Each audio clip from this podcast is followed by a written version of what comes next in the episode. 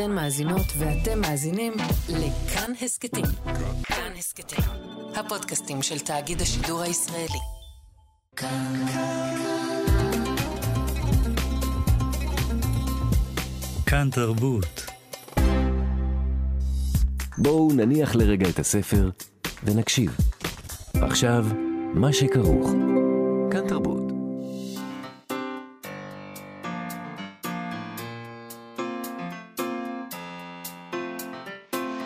מה שכרוך. עם יובל אביבי ומה יעשה לה. שלום, צהריים טובים, אנחנו מה שכרוך, מגזין הספרות היומי של כאן תרבות. אתם מאזינים לנו ב-104.9 או ב-105.3 FM. אפשר גם להאזין לנו כהסכת באתר, באפליקציה של כאן ובכל יישומוני ההסכתים. איתי אשת הוא המפיק שלנו, על הביצוע הטכני היום תמיר צוברי, לא פחות ולא יותר. שלום לכם, שלום יובל. שלום מאיה, אנחנו נדבר היום על חלקאים ונדכאים, ספרו של דוסטויבסקי מ-1861, ועל התרגום שלו מ-1928. התרגום הזה יוצא עכשיו לאור מחדש. אז למה להוציא לאור תרגום ישן? למה לא לתרגם מחדש? נדבר על זה עם ליאור הולצר מהולצר ספרים, שם יצא הספר. נדבר גם על לשון ועל דמויות שנעות בין משלב שפה אחד למשנהו, לפעמים ממש באותו משפט, עם שלומית עוזיאל בפינה שלה, מוציאה לשון. נכון, אבל אנחנו מתחילים עם ועיקרן תחילה.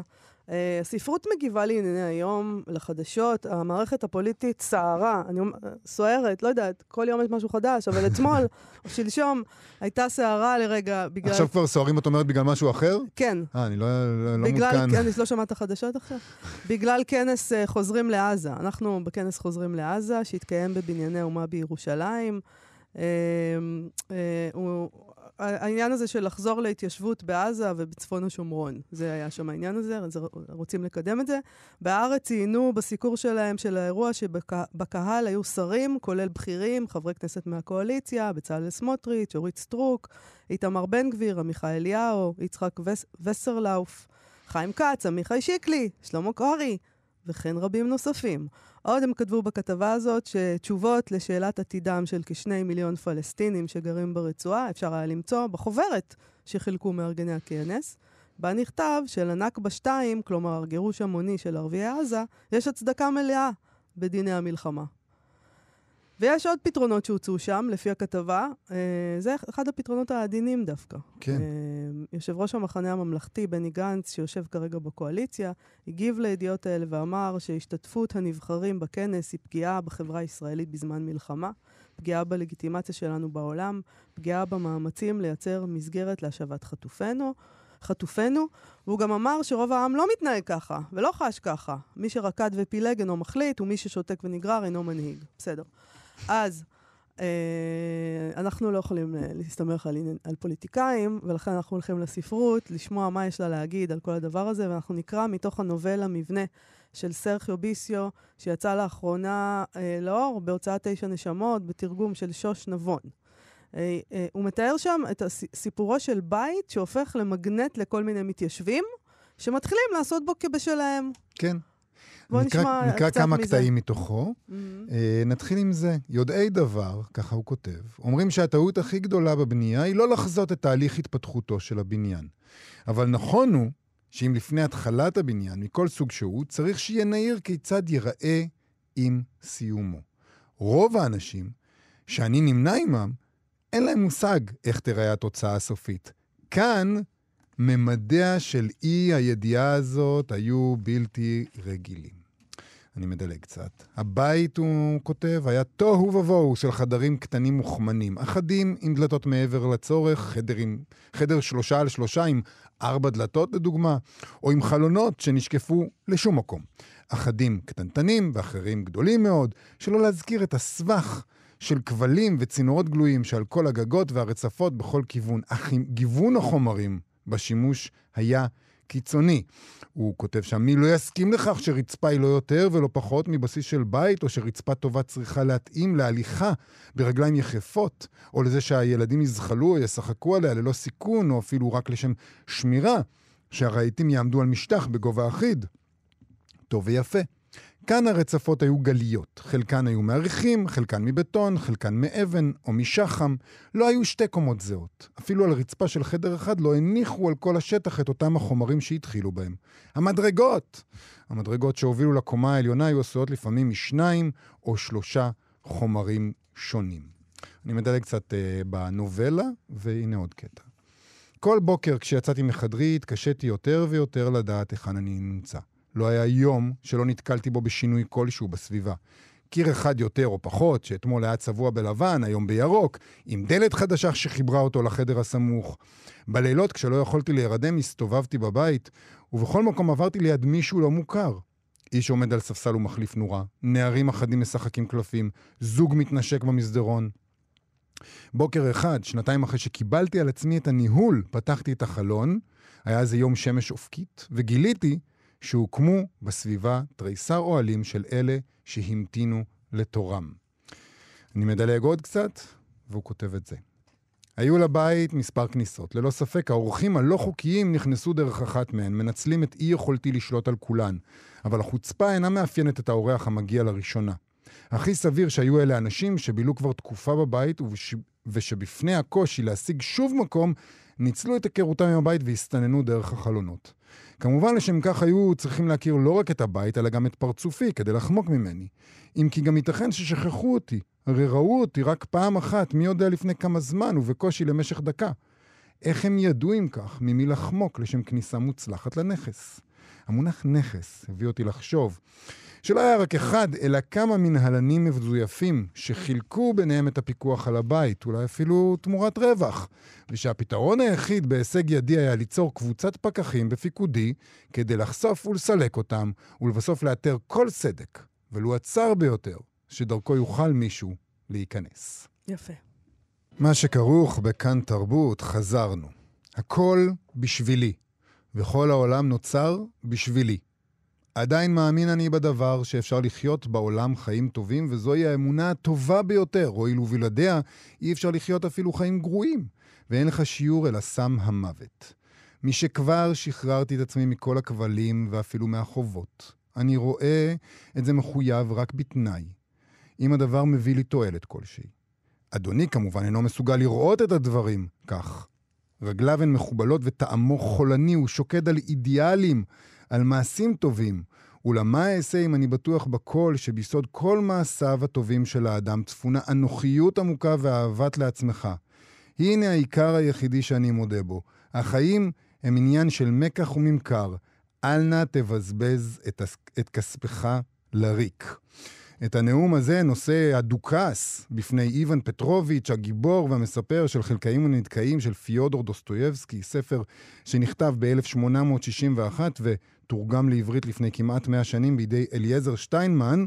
Uh, עכשיו התרגום הזה רואה אור שוב בעברית בהוצאת אולצר ספרים, שהיא ההוצאה של חנות uh, הספרים העצמאית. אולצר ספרים של ליאור אולצר, שהוא המייסד והבעלים שלה. זה סיפור אהבה, כמובן, בין איוון לנטשה ובין כל מיני דמויות אחרות, אבל הוא גם, כמו שאפשר לקרוא בנאום התוכחה הזה, התנגשות של רעיונות. שלום ליאור הולצר. שלום, שלום. מה פתאום החלטתם להוציא את הספר הזה מחדש, לפני שאנחנו קצת נדבר על אה, אהבה ורעיונות? אנחנו שמים לנו, בהוצאה לאור שלנו, המיוחדת שלנו, לעלות מניצוצות קודמים של ספרים קודמים שהלכו ונעזבו. הספר הזה יצא ב-1861.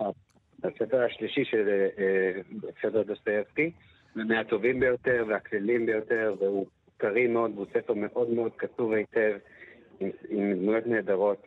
וכשראיתי אותו, שקראתי אותו, שהגיע לחנות, חשבתי לעצמי איך יכול להיות הדבר שהקורא הישראלי לא מכיר אותו. כי לא ראי, ראיתי שלא נעשה לו תרגום נוסף מאז התרגום המונומנטלי של אליעזר שטיינמן. וגם ראיתי שחבל מאוד שאנשים לא מכירים את אליעזר שטיינמן. הוא כתב 50 כרכים ביחד עם שלונסקי של ספרות, תרגם עשרות ספרים, כתב שתי אנציקלופדיות, מסר את כל חייו על מזבח הספרות, ואנשים לא מכירים את שמו. חבל לי מאוד. ובסוף הספר אתם גם, אה, אתה הוספת אחרית דבר, שיש בטקסט של אליעזר שטיינמן, שבו הוא אומר, הוא, הוא, הוא חושש בדיוק מזה, שישכחו אותו, שלא ידעו, הוא חושש שהוא לא יספיק לעשות את כל העבודה שהוא רוצה לעשות, וגם שאת העבודה שהוא עושה ישכחו. אליעזר שטיינמן ידע טוב מאוד שהוא ייכנס לתוך צנצנת המן, כמו שהוא אומר, שהוא יתגנז בגניזה הגדולה של היהודים. כי היהודים לא, לא שומרים שום דבר, אלא אם כן זה קשור לציפות הקודש שלהם. הוא חשב כל הזמן איך יגנזו אותו ואיך לא יגנזו אותו, והיה לו תודעה עצמית מאוד מאוד מפותחת. וזה מעניין אותי מאוד כסופר, הרפלק... העומק של רפלקטיביות בכל זה. אה, דוסטויבסקי מתאר את הדמויות העלובות ביותר, את החטאים והנתקעים, את העלובים, את המסכנים, את ההומלסים, את חסרי הדירה, אבל העלובים ביותר הם הדוכסים. תגיד, אבל לא הרגשת שה... אני, אני חושבת שמה שיובל קרא פה מאוד יפה, תרגום מאוד יפה, אבל לא הרגשת באיזשהו מקום פיתוי ל... קצת לעשות תיקונים, אה, אתה יודע, של התרגום, לעדכן אותו טיפה? חס ושלום, אני מעדיף את העברית על פני הישראלית כל יום. כן, כן. אתה צודק. אבל לא, לא חששת שהעברית של אליעזר שטיינמן, שהיא, מה לעשות, היא לא העברית שנגיד, גם, גם לא העברית שכותבים בה היום, גם לא, אמ, גם לא מה שנכנס לתוך הספרים שלנו, לא איך שמתרגמים, שהיא תהיה קצת קשה לקורא הממוצע הישראלי? שזה טוב. אני מאמין בשפה העברית שיכולה ליצור אה, קורא אקטיבי מתוחכם. בגלל זה אני גם מעדיף כתיב חסר ומילים קשות יותר ומשלב גבוה. כי צריך לחשוב, לא כל דבר זה מה שאומרים. אני חושב שהישראלית אה, מושפעת הרבה מאוד מהאמריקאית, אה, והרצון לנסות להנגיש כל דבר וכל רעיון במילים הפשוטות ביותר, בכמה שפחות עברות. איני סבור שזה הדעה בעברית. כן, תתאמצו קצת, מה יש? זה קשה לנו. כשאתה מתאמץ, אתה גם מקבל יותר חזרה. אה, בכל, בכל, בכל תחום זה ככה, גם בשפה העברית. וזה נכון גם שאמרת מקודם שזה ספר קליל יחסית, שזה אחד מהספרים של דוסטויבסקי שיותר זורם לקריאה, הוא, יש כן. בו סיפור אהבה, יש בו באמת הרבה דמויות שכתובות נהדר. תספר לנו קצת על הספר הזה, על סיפור האהבה הזה. אלכסיי תמיד לא בטוח אם הוא רוצה את נטשה או הוא רוצה את קטיה. קטיה או נטשה. יש את איוון שמאוהב בנטשה בסתר, אבל הוא לא יודע אם הוא רוצה להפריע ללקסיי, לליושה, לבוא ולהפריע לו מול נטשה. ויש גם את הדמויות העלובות האלה, ההורים שלהם, זה פשוט דמויות מרנינות. תגידו מה שאתם רוצים על כישרון כתיבה או על מסר. יש אשר מאשימים אותו גם באנטישמיות, אולם אני סבור שהדמויות שלו זה משהו שאנחנו צריכים ללמוד, זה חסר מאוד בספרות של לבנו. כן, הספר נפתח עם, אה, עם תיאור של, אה, של יהודים אה, שמסתובבים שם. בקונדטורים של בית מילר. כן. אבל האשכנזים שכתוב שם זה גרמנים, לא, לא יהודים אשכנזים. כן, ברור, אבל... אה, אה, אנחנו, אה, אתה מסכים שהספר הזה אה, הוא גם התנגשות של רעיונות ולא רק אה, ספר קליל על אהבה? ועוד איך, זה הספר הראשון שדוסטויבסקי חוזר בו מהתמה הסוציאליסטית שלו והולך לכיוון המלוכני. אם מישהו מסתכל על ההיסטוריה הביוגרפית של דוסטויבסקי, יש לו שלבים בכתיבה. אבל נראה לי זה, זה, זה פחות חשוב השלבים שלו לחוק, אלא לחוקרים, ויותר לראות איזה רעיונות אנחנו יכולים לזהות פה. ואיזה סוג של נאמנות אה, היא אמיתית ואיזה היא מזויפת. ואם אנחנו ממציאים את הטענות רק לאחר שכבר יש לנו את האינטרס הכלכלי, או שהאינטרס, כלומר האינטרס הכלכלי קובע לנו את הטענות, או שהטענות הן באמת אמיתיות. אני חושב שזה בהרבה מאוד אה, מבנים אה, ההתחבטות של אלכסיי עצמו, בין נטשה לבין קטיה. ו- וגם, יש גם את, ה- את הדמות הזאת של הדוכס, שאתה אומר עליה שהיא אומללה, אבל היא גם מרושעת, היא, היא כוחנית, היא רוצה לשלוט בסביבה, ולעומתה, הוא עצמו, הדוכס, מציב את איוון כפייטן, כ- כסופר, כמי שמכור לאידיאלים. כלומר, גם, גם הדבר הזה נמצא באיזשהו תווך. באיזה דרך אנחנו צריכים לבחור בחיים שלנו, אם אנחנו רוצים להיות אה, אלה אגואיסטים, שבטוחים שהעולם נוצר אה, בשבילנו, או שאנחנו צריכים אה, לשיר עליו שירים על העולם? אני חושב שדוסייבסקי יוסף אמר קצת טיפה יותר מורכב, אני חושב שאלכסיי מחזיק בעמדה הזאת, והדוכס מנסה לשכנע את איוון לזה. ואיוון הוא כמו הסופר, הוא אה, כמו הקורא. הוא האינסר סלף, הוא הקורא שם את עצמו בנקודת מבט של הסופר, והוא חושב לעצמו מאיזה מין הרעיונות עליו אה, אה, ללכת אחריהם. אה, והדיאלוג שתיארת של הדוכס זה מתי שהוא מנסה לשכנע אותו נגד השילריזם הזה, נגד השילריות. נגד ה- הרגש המתפקע ללא אינטרס כלכלי, דבר שהוא בז לו מכל הכיוונים. אה, תספר לנו אה, עוד קצת על אה, אליעזר שטיינמן, שאתה רוצה, שחלק מהמאמץ הזה הוא להשאיר אותו בחיים. אליעזר שטיינמן אה, עבד ביחד עם שלונסקי על 50 ספרים, באמת. הוא מישהו בסדר גודל בלתי נתפס. הוא היה חבר אישי של ביאליק. ביאליק ראה אותו כבן טיפוחיו. אה, וביחר אותו אחרי מותו שהמשיך את דרכו. אה, הוא קצת הגוף, שתיהן שתי אנציקלופדיות נהדרות, בין כל קורא עברי שעוד מתעניין בחסידות ובתלמוד, ללא קשר לאינסטנציה הפוליטית, למגזריות. כל אחד יכול לגשת לזה. אה, וכן גם הוא כתב הרבה מאוד תרגומים מהרבה שפות, הוא, דבר, הוא היה דובר חמש, שש, שבע שפות אם איני טועה, והוא, והוא שלט בהם ותרגם בהם והיה מאוד מאוד חד בין לבין. עכשיו אני, זה חלק, כל העניין הזה זה חלק ממהלך שאני מוציא שבעה ספרים אה, אה, שעבדו. אני עובד עכשיו על עוד כמה ספרים. איזה ספרים עוד אה, אתה מציל מתהום הנשייה? אני תיאולוג שבתאי ממאה ה-17 בשם אברהם מיגל פרדוזו, גוש בוקר דאברהם, שזה לראשונה בדפוס מכתבי יד, וכן גם אה, מוחמד אבו נאצר אל-פראבי, שהוא פילוסוף ערבי מהמאה העשירית, שהתגלגל אליי תרגום מימי הביניים שלו, ושהודפס פעם אחרונה במאה ה-19, ואני עכשיו עושה לזה מהדורה חדשה. מדהים. תגיד, אה, סליחה שאני... וכן גם שני דרכים על, של הלל צייקלין, אה, שהוא מדבר על צער העולם, שאני חושב שמאוד רלוונטי, הוא מדבר מול פוגרומים, איך העולם עצמו נמצא בצער. צער העולם זה. דבר שלא מתיישן אף פעם. זה נכון. אני לא, העולם עצמו בתוגה. מהמם. אני לא רוצה להיות זה שתופס את העמדה של הדוכס פה, אבל אה, איך זה משתלם כלכלית העניין הזה? הדברים האלה הם אה, באמת... אה, קודם כל, לא אמרנו את זה, הספר מאוד מאוד יפה. הוא עשוי מאוד מאוד יפה, הוא נראה יפה. אה, תודה רבה. זה... אה, ואני תוהה לעצמי, אה, עד כמה אתה... מסתער על הדבר הזה, על המשימה הזאת, להציל את הטקסטים האלה מהשכחה, ועד כמה באמת זה מפעל שמחזיק את עצמו. אז כמה, לזה אני יכול לענות בכמה שלבים. השלב הראשון זה שאי שם לפני המבול, באוגוסט, עשינו Head Start בשביל לממן, זעיר מעט מהשבעה ספרים שעכשיו אמרתי, הוא היה מוצלח וסיימנו אותו, אז יש את המימון הראשון רק להדפסה.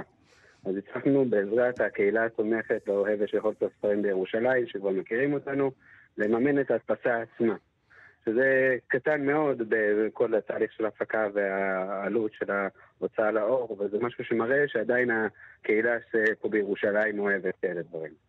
ושנית, זה לא כלכלי הספרות, אנחנו לא אמורים לעשות נושאים כלכליים בלבד. אנחנו שמים איש על הירח ואנחנו מגיעים לסולמון מריאנה ואנחנו מחפשים אה, אה, אותות מהחלל החיצון ואנחנו משקיעים בזה הון עתק, משעבדים את הריבית של הנכדים שלנו אה, רק בשביל שאנחנו נוכל לבוא ולעשות exploring. וככה אנחנו עושים גם exploring במובן הספרותי. אנחנו מנסים כל הזמן דברים חדשים, ואני חושב שזה חלק מאוד גדול ממה שזה להיות אנושי. יפה מאוד. ליאור, אתה, הספר הזה, חלכאים ונדכאים, דוסטויבסקי, אפשר למצוא אותו רק באולצר ספרים או עוד בעוד מקומות? רק, רק ספרים, עדיין אין עותק דיגיטלי, עדיין לא הגיע לחנויות. ההשקה שלו תהיה רק ב-22 לפברואר, בשעה 8, בחולצות ספרים, רחוב יפו 91, כניסה חופשית. אה, בינתיים הוא רק הודפס. אה, כל השבעה ספרים שאמרתי שמדפיס מוקדשים לנרצחים אה, בפוגרום שמינית עצרת. אה, לא ייתכן שהעולם הספרותי ישתוק על כזה דבר. אנחנו צריכים להגיב בכל מה שאפשר. ואני חושב שספרות בזמן מלחמה זאת הדרך הישראלית. אה, סבתא וסבתא זה נחלתנו, וזה מה שבאנו פה לעשות. אה, בדיוק פרסמתי להם עכשיו לוח שלם, שידורי ספרות והשקות של ספרים. כל יום יש אצלנו משהו. יש אה, פרופסור חמוטל בר יוסף, מעבירה עכשיו אה, שיר, אה, אה, שיעור על קדושה וטומאה אצל ביאליק, מעבירים ניטשה, מעבירים קריאת קרב על אורי אבנרי, יורם קניוק, לשיח לוחמים. זה מאוד חשוב לנו. יפה מאוד. לכו, לכו, תעלו לעיר הקודש ותלכו גם לבקר באולצר ספרים, למה לא? חלקאים ונתקעים של דוסטויבסקי, גם שם, בחנות. כולנו, כולנו חלקאים ונתקעים גם ככה, לא? כן. ליאור אולצר, תודה רבה לך על השיחה הזאת. בשמחה. תודה רבה. תודה, להתראות. עכשיו, מוציאה לשון. אנחנו, מה שכרוך, חזרנו עם מוציאה לשון, הפינה שבה אנחנו מדברים על לשון בספרות, עם שלומית עוזיאל, מחברת הספר מוציאה לשון, הפתעות מהמגירה הסודית של העברית, שיצא בהוצאת העם עובד. שלום, שלומית עוזיאל. שלום, שלום. שלומית, יופי של בחירה של שיר. אה, נכון, שיר יפה כל כך, כן. אה, אנחנו מדברות אה, היום על משלב. אה, כן, ו- וספציפית על אה, דמויות ב- ב- ביצירות ספרותיות שמזגזגות אה, בין משלבים, והייתי רוצה באמת להתחיל אה, בקטע, בציטוט של קטע. בבקשה. בבקשה. אה, יונתן, אביך לא מת עליך, ברור לך? ידוע ידע אביך כי מצאתי חן בעיניך. אתה מסתובב ומספר את זה לכל אחד. אה, הציטוט הזה הוא מספר בשם אלוהים יודע של ג'וזף אלר, שהוא גם ידוע יותר בתור מחבר של מיקוד 22. אה, כאן שמענו את זה בתרגום של מאיר ויזלטיר. והספר הזה הוא גרסה מאוד פרועה ונוגעת ללב ומצחיקה של הסיפור של אה, דוד המלך. והציטוט הזה, ידוע ידע אביך כי אתה מסתובב ומספר לכל אחד, הוא דוגמה לצורה שהדמויות בספר הזה מדברות. היא משלבת ממש ציטוטים, ממש חלקי פסוקים כלשונם מהתנ"ך, עם שפה מאוד מאוד אה, דיבורית ו- ומאוד נגישה. מה זה, מה זה גורם להרגיש כשקוראים את הספר? איך זה, מה, מה זה תורם? אז, אז אני חושבת שזה יכול לגרום שילוב כזה, זה מה שנראה היום ב- בכמה ספרים שונים, ואנחנו נתהה כאילו מה, מה מעברים אה, בין סגנונות דיבור כאלה שונים, מה הם יכולים לתת לנו. במקרה הזה, אני חושבת שזה עושה משהו מאוד מעניין. אנחנו מצד אחד, הסיפור הוא הרי סיפור, הוא סיפור מהתנ"ך, סיפורו של דוד, אה, לימים דוד המלך. ובמקרה הזה אנחנו מקבלים משהו שהוא לא רק retelling, סיפור מחדש של סיפור התנ"ך, אנחנו שומעים את המקור עצמו, שזה במקרה של התנ"ך זה, זה רווח גדול לשמוע אותו.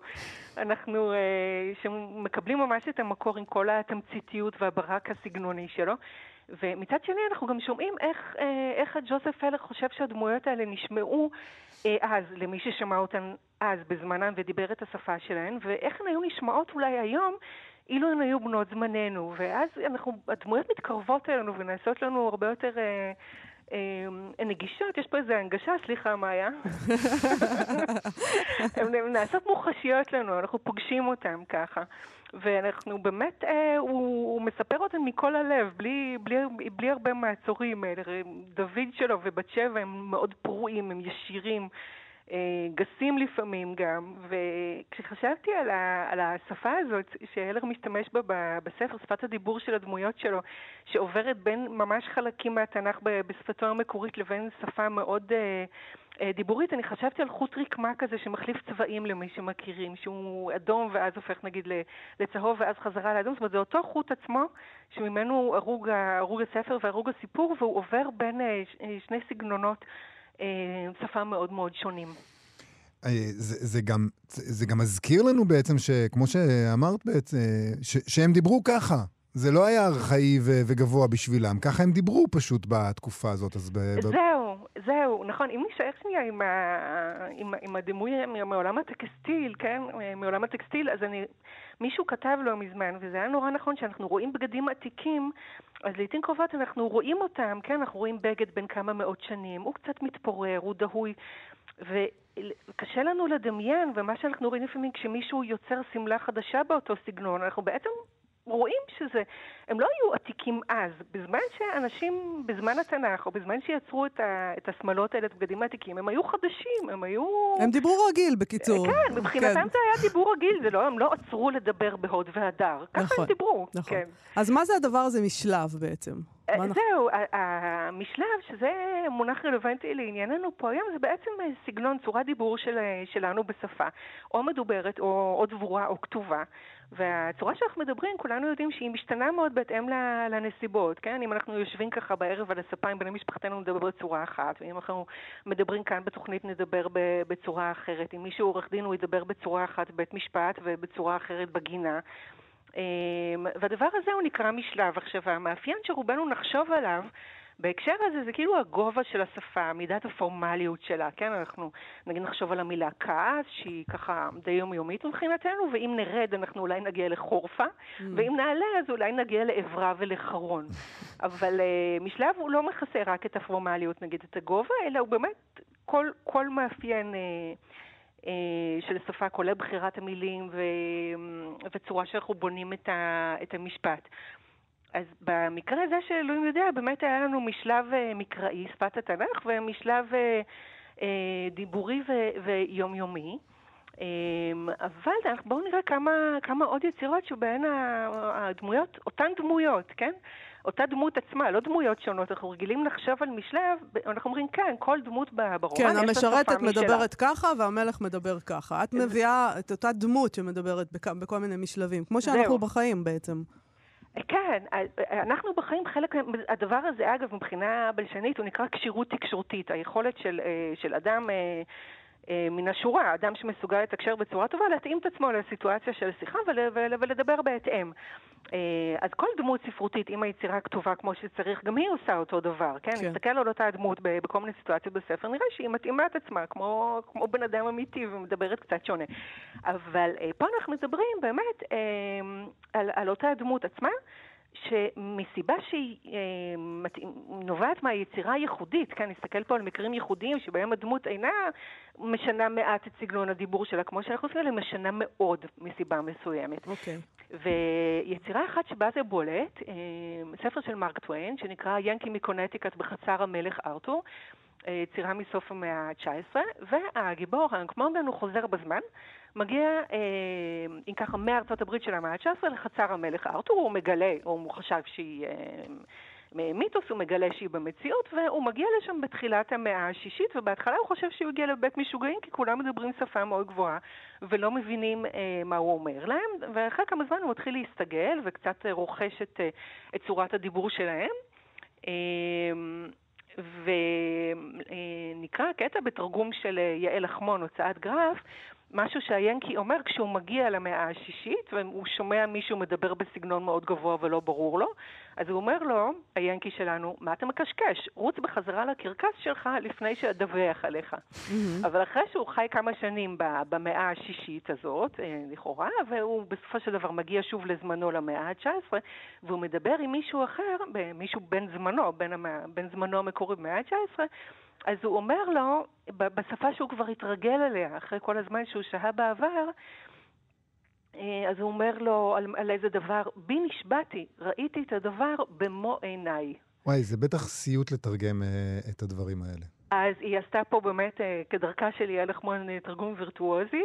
נגיד שזה יצא בהוצאת גרף. זה יצא, בו, יצא בהוצאת גרף, כן, הספר היפה הזה. עכשיו, מה שיפה פה, אם נסתכל שנייה על, ה, על המקור שיעל לחמון התמודדה איתו, האנגלית של המאה השישית לא הייתה מובנת היום לאף אחד, כן? עכשיו, גם מרק טוויין, כשהוא כתב, אה, הוא, הוא בחר אה, באנגלית של המאה החמש... ממחוות, בואו נגיד, לקח מאפיינים, שאל מאפיינים אה, של אנגלית מהמאה ה-15, וספציפית של יצירה קלאסית שמספרת על חצר המלך ארתור, שנקראת מור, מוט ארתור. אה, אה, של הסרט תומאס מלורי, אה, למורט זרצור, ודרסור, ו... זה יפה, זה... והוא... זה אומר, הוא אומר, טוב, לא צריך להגזים, ניתן, ניתן איזשהו אה, טעם של שפה עתיקה, אבל לא באמת את השפה העתיקה שאף אחד לא יבין. ש, שלא, שבאמת קוראים בני זמנו, באמת לא היו יכולים להבין. אבל הוא בחר אה, בשפה שהיא קשורה ליצירה ידועה מאוד על חצר המלך ארתור, כדי לתת לספר שלו אווירה תקופתית. יפה. ו, אה, ויעל אחמון, כשהיא תרגמה לעברית, גם הייתה צריכה לתת את הנופח העתיק, וגם, אם נביא בחשבון, הספר שמרק טוויין כתב, כתב מאה ה-19, יעל אחמון תרגמה... היא בבעיה כפולה. במאה ה-21, כן? אז כן. אז יש לנו פה באמת משחק בין כמה, בין כמה תקופות וסגנונות לשוניים שונים. איזה עוד אה, דוגמה יש לדבר הזה? אז בשתי היצירות האלה שדיברנו עליהן עכשיו, שזה אלוהים יודע ויאנקי מקונטיקט, אז השפה של הגיבורים היא עוברת בין, בין שני משלבים שמשקפים שתי תקופות. באלוהים יודע זו תקופת התנ"ך והתקופה שאנחנו קוראים, התקופה של הסיפור ותקופת הקריאה שלנו, וביאנקי אלה שתי תקופות שהגיבור עצמו עובר ביניהן. ו... אבל זו לא הסיבה היחידה שיכולים להיות מעברים ב... אה, במשלב אה, ב... ב... בסיפור. אמ, ונסתכל על סיפור אה, מאוד, אה, מאוד יפה, מאוד ידוע בשם פרחים לאלג'רנון, של סופר אה, יהודי-אמריקאי בשם דניאל קיז, ובתרגום של עמנואל לוטם, אה, אגב שהוא הלך לעולמו בתחילת החודש, נכון. מגדולי המתרגמים של מדע בדיוני לעברית. כן.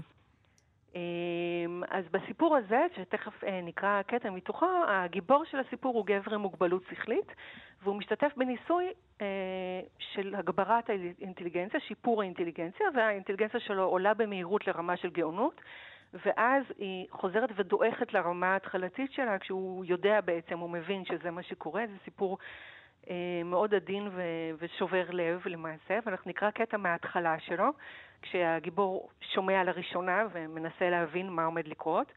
זה כתוב בשגיאות כתיב, זה קטע מהיומן שלו שהוא כותב, אבל אנחנו לא, לא נראה את זה, אנחנו נשמע. אה, דוקטור סטראוס אומר שאני צריך לכתוב מה אני חושב וכל מה שקורה איתי מעכשיו. אני לא יודע למה, אבל הוא אומר שזה חשוב בשביל שהם יראו אם הם יכולים לקחת אותי. מיס קיניאן אומרת שאולי הם יעשו אותי חכם, אני רוצה להיות חכם. כן. זה זה- כתוב באמת בהרבה שגיאות כתיב, אה, אבל גם שומעים זה, מ- בסגנון. זה מלפני שהגבירו לו את האינטליגנציה בעצם. ו- נכון, ואז הוא משתתף בניסוי של, אה, של הגברת האינ- האינטליגנציה באמת, ו... איך הוא כותב אחרי? ו- והוא, והוא באמת פורח, הוא מאוד מאוד מאושר מזה, הוא מאוד נהנה, הוא מגלה, מגלה עולמות, הוא למעשה מצטרף למחקר ש, שהניסוי שלו, ש, שנעשה בו חלק ממנו, ואז מתברר שהשינוי הוא אומנם מאוד מרשים, אבל הפיך, והוא רואה איך האינטליגנציה שלו חוזרת ויורדת, ואז הוא כותב ביומן, כבר אחרי שהירידה התחילה, הרגשה מוזרה היא לקחת ספר שקראת ונהנית ממנו רק לפני חודשים אחדים, ולגלות שאינך זוכר אותו. אני זוכר כמה הרצתי את ג'ון מילטון, אבל כשלקחתי לידי את גן העדן האבוד, לא הצלחתי להבין דבר. התרגזתי עד כדי כך שהשלכתי את הספר לצידו השני של החדר. אני חייב לנסות ולהיאחז במשהו מן הדברים האלה. אלוהים, אנא אל תיקח ממני את הכל. אז זה מקרה של משלב אצל אותו בן אדם רק בגלל פער באינטליגנציה שלו עצמו כן, בעצם. כן. Mhm. פה, בניגוד לספרים הקודמים שראינו, ששם היו הבדלי תקופה, פה זה פשוט אותה דמות, שבגלל השינויים, שינויי האישיות וה... והמשכל שהיא עוברת, הסגנון, הסגנון שלה מאוד מאוד משתנה.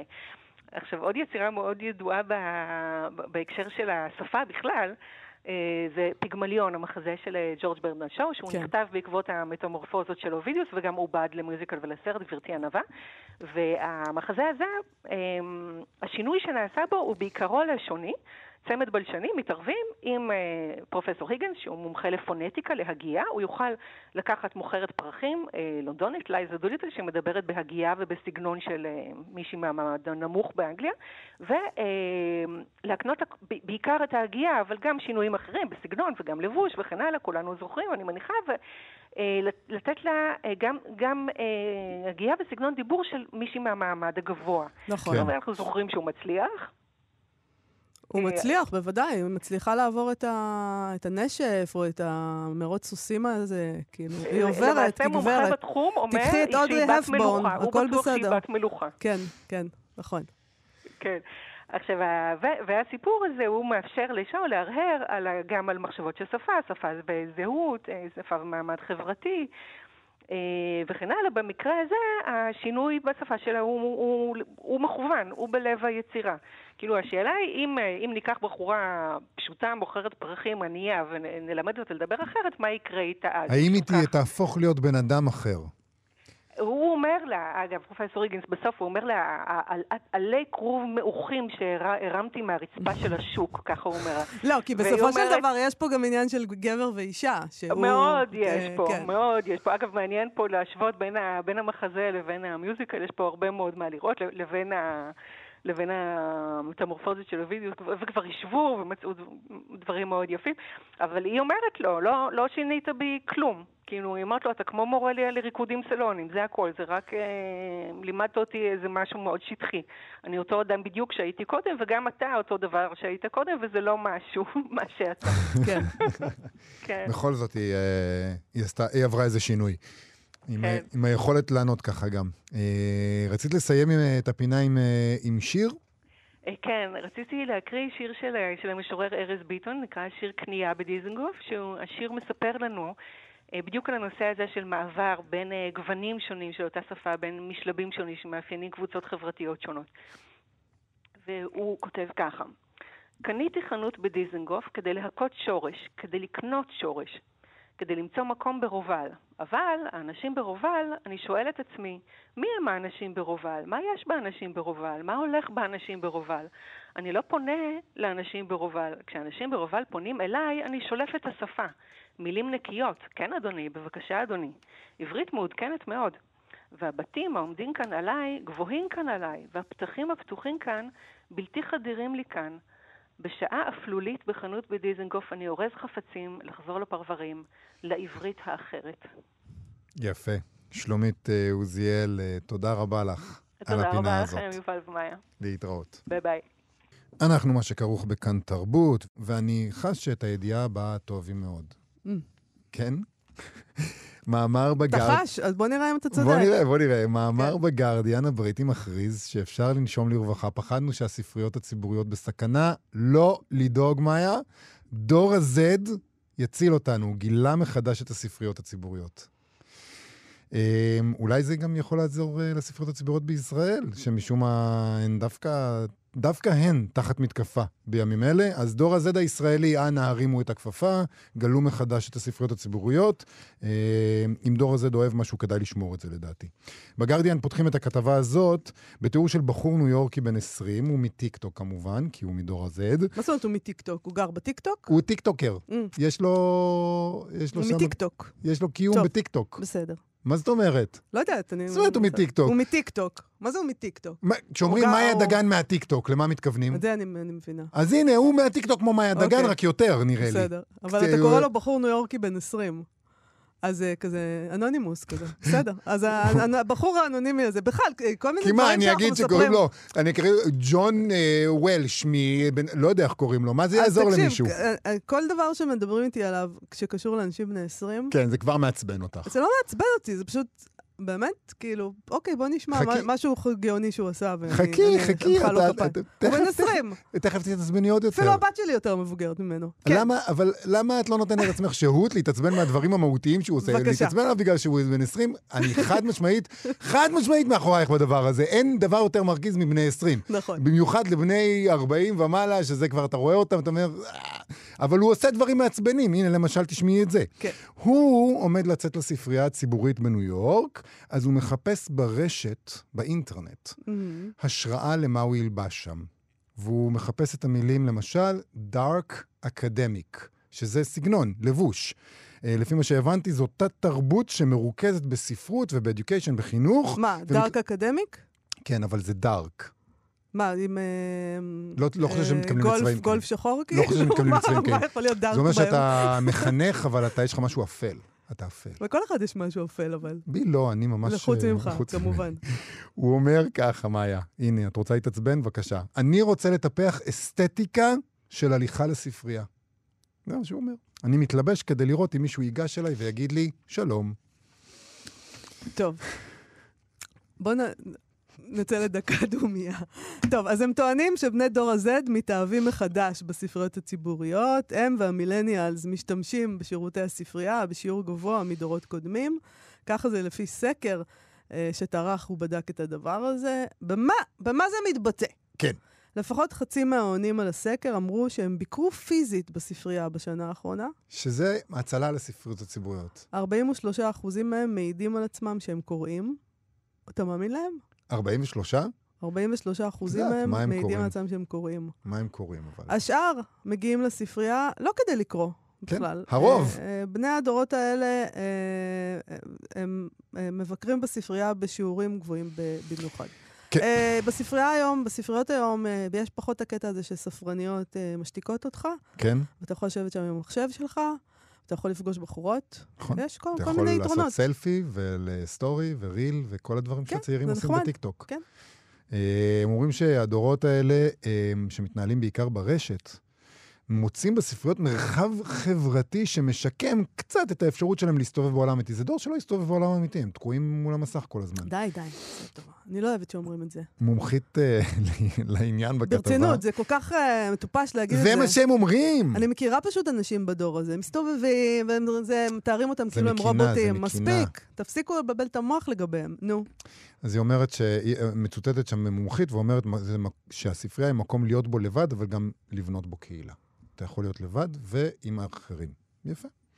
אה, משם התנועה לטיקטוק הייתה קצרה כמובן, אז הצעיר הזה שמתלבש אה, לספרייה מפרסם סרטונים שלו בספרייה, לא, לא קורה, הוא עצמו בספרייה, וזה סוחף מיליוני לייקים וצפיות, והוא uh, מסביר שאנשים בני גילי נואשים למשהו אותנטי ואמיתי, מה יותר אמיתי מספרים.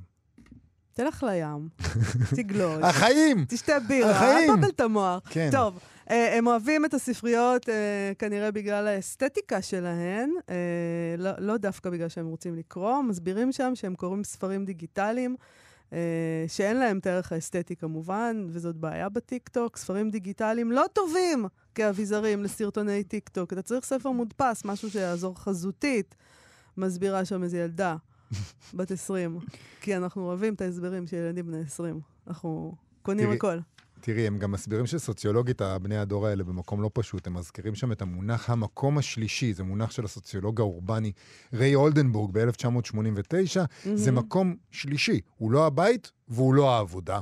עבור uh, דור ה-Z, הם אומרים לנו, המק... אה, אחד המקומות האלה הוא הספרייה, וזה חשוב במיוחד כי עבורם הקורונה שיבשה uh, את ההפרדה בין שני המקומות הראשונים, שדי התמזגו לאחד, העבודה והבית. טוב, אגב, גם בגרדיאן מדברים על זה שיהיה טוב אם זור, דור ה-Z אה, יציל את הספריות, כפי שאתה מצפה. מה זה אה, מצפה? גם, אה, גם שם, אי שם מעבר לים, בארצות, אה, בארצות אחרות, המצב לא כזה טוב. יש חוקים שמגבילים למשל, אנחנו מדברים על זה פה הרבה, מגבילים ספרים שיכולים להיות על המדפים, וכמובן יש גם ניסיונות לקצץ בתקציבים.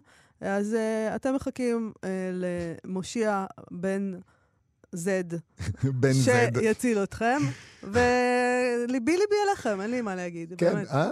אם אתה עצוב. צריך, אם אתה צריך שבני דור ה-Z יצילו אותו למרות שהם... אה, בכלל, אם אתה צריך שמי... זה דור. אני רוצה בכלל, להגיד- לדבר על דור. אני מתחילה להבין למה זה מעצבן את הבת שלי כשאני מדברת ככה.